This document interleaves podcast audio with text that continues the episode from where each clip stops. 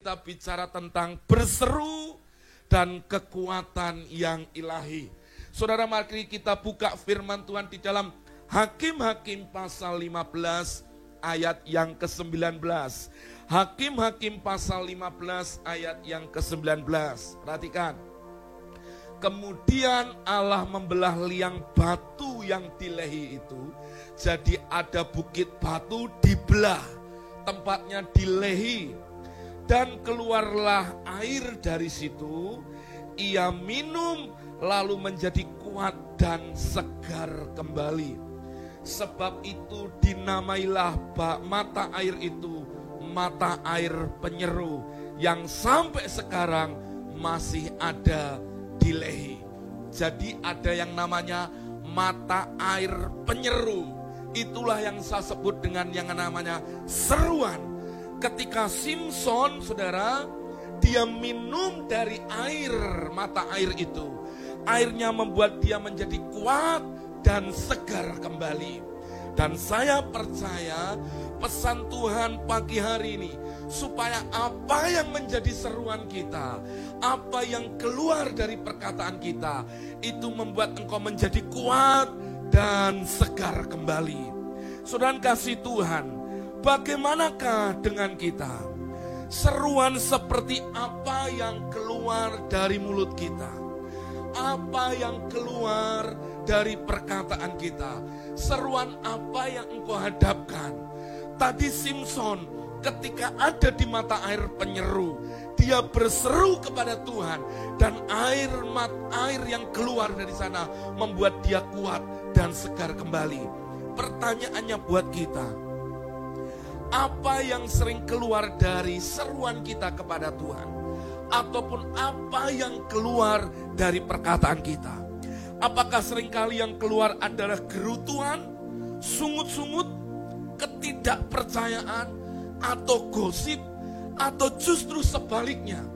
Yang keluar seruan kita adalah seruan kita berseru kepada Tuhan, kita teriak minta tolong, kita percaya Apakah yang keluar dari perkataan kita adalah ucapan syukur kita? Apakah yang keluar lewat seruan kita adalah iman yang percaya kepada Tuhan atau sebaliknya? Ternyata seruan yang keluar itu akan membawa dampak yang terjadi dalam hidup kita. Kalau engkau berseru kepada Tuhan, engkau berseru mengucap syukur, engkau berteriak minta tolong, engkau berseru dan engkau hadapkan imanmu kepada Tuhan, perhatikan, engkau terima kekuatan dan kesegaran daripada Tuhan. Hari-hari ini ada banyak orang lemah. Hari-hari ini ada banyak orang yang mereka sudah tidak punya lagi kekuatan karena mereka salah berseru. Saudara renungkan sejenak. Apa yang sering kali engkau serukan? itu juga yang akan mempengaruhi apa yang akan terjadi dalam hidupmu. Kalau yang engkau seruang, serukan adalah hal-hal yang negatif, maka mata air itu akan juga mengalirkan hal-hal yang negatif. Kalau yang keluar adalah sungut-sungut, maka akibat dari sungut-sungut itu keluhan, ketakutan, kekhawatiran itu juga yang akan kembali kepada saudara. Tapi kalau yang seruan kita adalah bicara tentang iman, bicara tentang hal yang positif, hal-hal yang sesuai dengan firman-Nya, maka saudara engkau akan melihat dampak yang positif juga terjadi dalam hidupmu. Saudara renungkan baik-baik. Saudara ada seorang bernama Bartimius. Bartimius buta ketika Yesus ada di sana. Yesus lewat ke daerah itu ke Yeriko. Perhatikan ini. Hal itu menjadi sebuah momentum untuk Bartimius berseru. Dia bisa saja berseru dalam keluhan dan sungut-sungutnya. Bisa. Tapi Bartimius tidak lakukan itu. Tapi yang dia serukan Yesus anak Daud kasihanilah aku. Perhatikan, Yesus anak Daud, kasihanilah aku. Dia bawa imannya kepada Yesus. Apa yang terjadi? Sampai akhirnya itu yang membawa Bartimius dihadapkan kepada Yesus. Dengarkan baik-baik. Saat Bartimius berhadapan dengan Yesus, itu menjadi sebuah bentuk imannya mengalami sebuah jawaban daripada Tuhan. Sama, hari ini apa yang engkau serukan lewat perkataan. Kalau engkau sering ngomel, justru saudara engkau akan mengalami kelemahan bahkan kematian rohani. Saudara kita tahu bahwa ngomel bersungut-sungut, mengeluh tidak menambah hal yang baik dalam hidupmu. Tapi sering kali orang sudah tahu kebenarannya, tetap saja dia menyerukan hal-hal yang penuh dengan omelan dan keluhan. Maka tidak ada mujizat di tengah omelan yang kau katakan. Tidak ada mujizat di tengah sungut-sungut yang saudara sampaikan. Tetapi saat seruanmu, engkau hadapkan kepada Tuhan dengan ucapan syukur.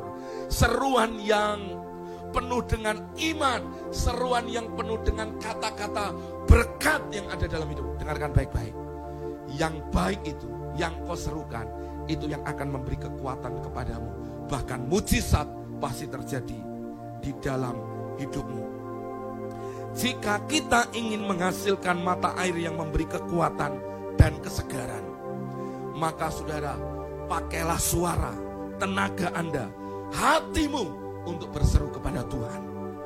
Berseru kepada Tuhan. Berseru dan penuhi surga dengan seruan iman. Katakan amin. Mari tuliskan di live comment. Penuhi surga dengan seruan iman Ayo tuliskan di live comment. Saya akan memenuhi surga dengan seruan iman saya.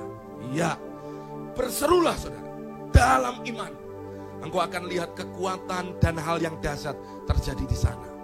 Memang kalau keadaannya sakit, keadaannya kita butuh pemulihan. Kalau keadaannya kurang baik, memang enaknya untuk kita berkata, saya lemah, saya sakit, saya tak berdaya, saya mengalami kekurangan, saya lagi sedang terpuruk pak, saya sedang bangkrut, pengennya mengasihi diri sendiri. Dengarkan ini. Tetapi saat engkau berseru dan berkata, saya tetap percaya pemulihan Tuhan terjadi. Engkau sedang membawa seruan imanmu untuk memenuhi atmosfer ilahi, memenuhi atmosfer rohani dalam hidupmu dan itu akan berdampak dahsyat dalam hidupmu. Saudara, kalau badan sakit pengennya berkata, saya tidak mampu lagi pak, saya tidak enak. Iya itu secara manusia. Tapi saya mau berkata, tetap penuhi hidupmu dengan seruan imanmu. Maka engkau akan lihat mujizatmu ada di sana. Imanmu yang kau bawa kepada Tuhan lewat seruanmu. Itu yang akan menghadapkan engkau untuk terjadi yang namanya perhitungan antara engkau dengan Tuhan. Dan kau akan lihat hal yang dahsyat terjadi di sana. Saudara, ada mata air penyeru. Ketika Simpson berseru kepada Tuhan, dibelahlah mata air itu dan keluar mata air yang memberi kekuatan dan kesegaran bagi dia. Hal yang sama, saat yang keluar dari mata air hidupmu adalah seruan-seruan yang baik seruan yang positif, seruan iman, seruan ucapan syukur, engkau akan lihat hal yang dahsyat terjadi dalam hidupmu. Pak, tapi kenyataannya Pak, saya lagi kekurangan Pak. Saya lagi punya hutang. Dengarkan baik-baik. Anda mau milih apa? Bersungut-sungut atau engkau tetap percaya? Kalau engkau berseru dan berkata, Tuhan yang menyatakan kuasanya. Tuhan tetap pasti tolong saya. Engkau akan lihat mujizat itu dekat dengan saudara. Betul. Kenapa? Karena memang kita ini perlu belajar berdiri di atas kebenaran. Bukan kita itu melihat apa nih keadaan lalu saudara ikut terbawa arusnya enggak. Tapi saudara harus berdiri di atas kebenaran bahwa Tuhan di atas semua masalah pergumulan saya. Ya, saat Anda lakukan itu, Anda akan menyerukan perkataan iman. Maka di Alkitab berkata, tempalah mata bajakmu dan biarkan sabit menjadi apa nih senjata lalu biarkan yang lemah berkata aku ini pahlawan tuliskan dengan iman saya ini pahlawan kenapa justru yang tidak berdaya berkata, aku ini pahlawan. Kenapa? Karena Tuhan mau yang keluar dari mulut kita bukan sungut-sungut. Tuhan mau seruan yang keluar dari hidup kita bukanlah hal-hal yang negatif. Tuhan mau setiap apa yang keluar yang kau percakapkan adalah hal-hal yang mewakili imanmu. Lihat nanti saat yang keluar mewakili imanmu, saudara akan melihat hal-hal yang luar biasa, yang supranatural terjadi dalam hidup saudara. Saya berkata ini, Pak saya didiagnosa ada cancer sebesar gum, uh, apa nih, gum, gu, uh, dalam kepalan tangan orang dewasa di rahimnya. Saudara. Cancer ini membuat dia pendarahan, cancer ini membuat dia harus mengalami keadaan di mana dia nggak bisa apa-apa, saudara. Dia sering berseru bahkan dia mengalami Pak apakah ini karena kutuk saya berkata bereskan bagian hidupmu percaya anugerah Tuhan di sana. Cancer sebesar kepalan tangan ini saudara membuat dia tersiksa. Dia harus keluar masuk rumah sakit. Sampai akhirnya saudara lewat siaran live ini saya diketemukan. Dia diketemukan dengan siaran ini. Nah lalu dia WA saya berkata tetap serukan kesembuhan terjadi dalam hidupmu tetap serukan bahwa saya disembuhkan Tuhan. Dia ngalami harus disinar, dia harus disinar dan dia ngalami banyak hal dan itu membuat dia kadang saudara sampai apa nih tekanan darahnya atau uh, dia harus ditransfusi darah. Dia ngalami keadaannya, tapi saya selalu berkata, serukan tetap kesembuhan terjadi dalam hidupmu. Tetap terima bahwa saya disembuhkan Tuhan. Saudara, dia percaya itu saudara cancer yang sebesar kepalan tangan orang dewasa. Ketika dia jalani, ada tindakan medis di sana. Tapi ketika dia berseru, berseru, berseru, berseru, dia menyerukan kesembuhan-kesembuhan apa yang terjadi? Cancer itu mengecil, mengecil, mengecil, mengecil. Dan sekarang sepertinya sudah tidak ada lagi dan bersih. Waktu saya lihat kesaksian disampaikan saudara, Pak hari ini saya sembuh total dan saya tidak perlu saya sudah selesai masa semuanya untuk dia menjalani perawatan medis dan saya sudah sembuh total. Ketika disampaikan saya berkata, apa yang kau kerjakan? Dia hanya berkata, terima kasih Pak. Setiap kebenaran firman Tuhan ketika dihadapkan kepada Tuhan, semua itu menjadi kenyataan. Saudara, kalau kita berjalan dengan Tuhan, kita ini berjalan di dalam yang namanya kuasa. Bisa jadi waktu engkau berseru hari itu juga jadi. Tapi bisa jadi sepertinya seperti ada sesuatu yang Tuhan kikis dalam hidup kita. Untuk kita membawa iman kita, seruan kita terus continue, konsisten. Dan Anda lihat mujizat ada di sana. Tapi banyak orang saudara gampang gini saudara. Hari ini berkata saya sudah berseru, saya terima mujizat, saya terima kesembuhan. Tapi belum tentu besok ketika gejalanya muncul, anda menjadi orang yang tetap berseru sama. Banyak orang setelah itu langsung ngomong Pak kenyataannya Tuhan belum sembuhkan Pak, saya sakit Pak, saya menderita Pak, kelihatannya Tuhan gak sembuhkan saya Pak. Dengar perkataanmu, itu yang menutup Anda untuk lihat mujizat Tuhan. Saudara dengarkan ini, dengarkan ini baik-baik. Setan sudah dikalahkan. Setan berjalan berkeliling seperti singa yang mengaum-ngaum untuk mencari orang mangsa untuk dapat ditelannya. Kenapa ditelannya? Karena setiap giginya sudah dicabutin oleh kuasa Tuhan. Artinya dia sudah ditaklukkan. Tapi dengar, Anda bisa memberi ruang buat setan adalah ketika Anda memberi otoritas kepada setan yang mengaum-ngaum dengan perkataan saudara. Kalau perkataanmu terus ngeluh, seruanmu terus menjadi seruan yang penuh dengan hal-hal yang negatif, dengarkan baik-baik. Dia akan telan saudara. Betul, betul. Saya itu ajarkan kepada semua jemaat Tuhan yang saya gembalakan untuk apa? Berkata apa yang memang tertulis dalam firman. Itu yang akan terjadi dalam hidup. Tapi banyak orang susah untuk mengatakan kesembuhan di tengah pergumulan yang dihadapi. Susah untuk menyatakan kesehatan di tengah sakit yang dialami. Kenapa? Karena sering kali setan akan membawa mata Anda untuk melihat apa yang saudara lihat hari ini. Maka hari ini saya mengajak kita, ayo terus berseru dengan konsisten tentang mujizat dan kesembuhan Tuhan. Lihatlah Abraham ketika tidak ada dasar untuk percaya, dia tetap memilih percaya. Kenapa? Seruannya menjadi sebuah seruan yang tetap membawa imannya. Dia tetap percaya Tuhan sanggup memberi keturunan menjadi bapa banyak bangsa. Dengarkan ini saudara. Seruanmu hari-hari ini apa? Itu yang akan menentukan Anda. Kenapa setiap dalam acara live saya mengajak saudara untuk menuliskan, untuk memperkatakan, untuk mendeklarasikan. Kenapa? Karena supaya kebiasaan yang lama kita itu berubah. Saudara percaya bahwa memang imanlah yang menggerakkan hal yang dahsyat. Kalau perkataanmu dipenuhi dengan hal-hal seruan yang iman, engkau penuhi atmosfermu dengan seruan iman, engkau akan lihat mujizat demi mujizat terjadi dalam hidupmu.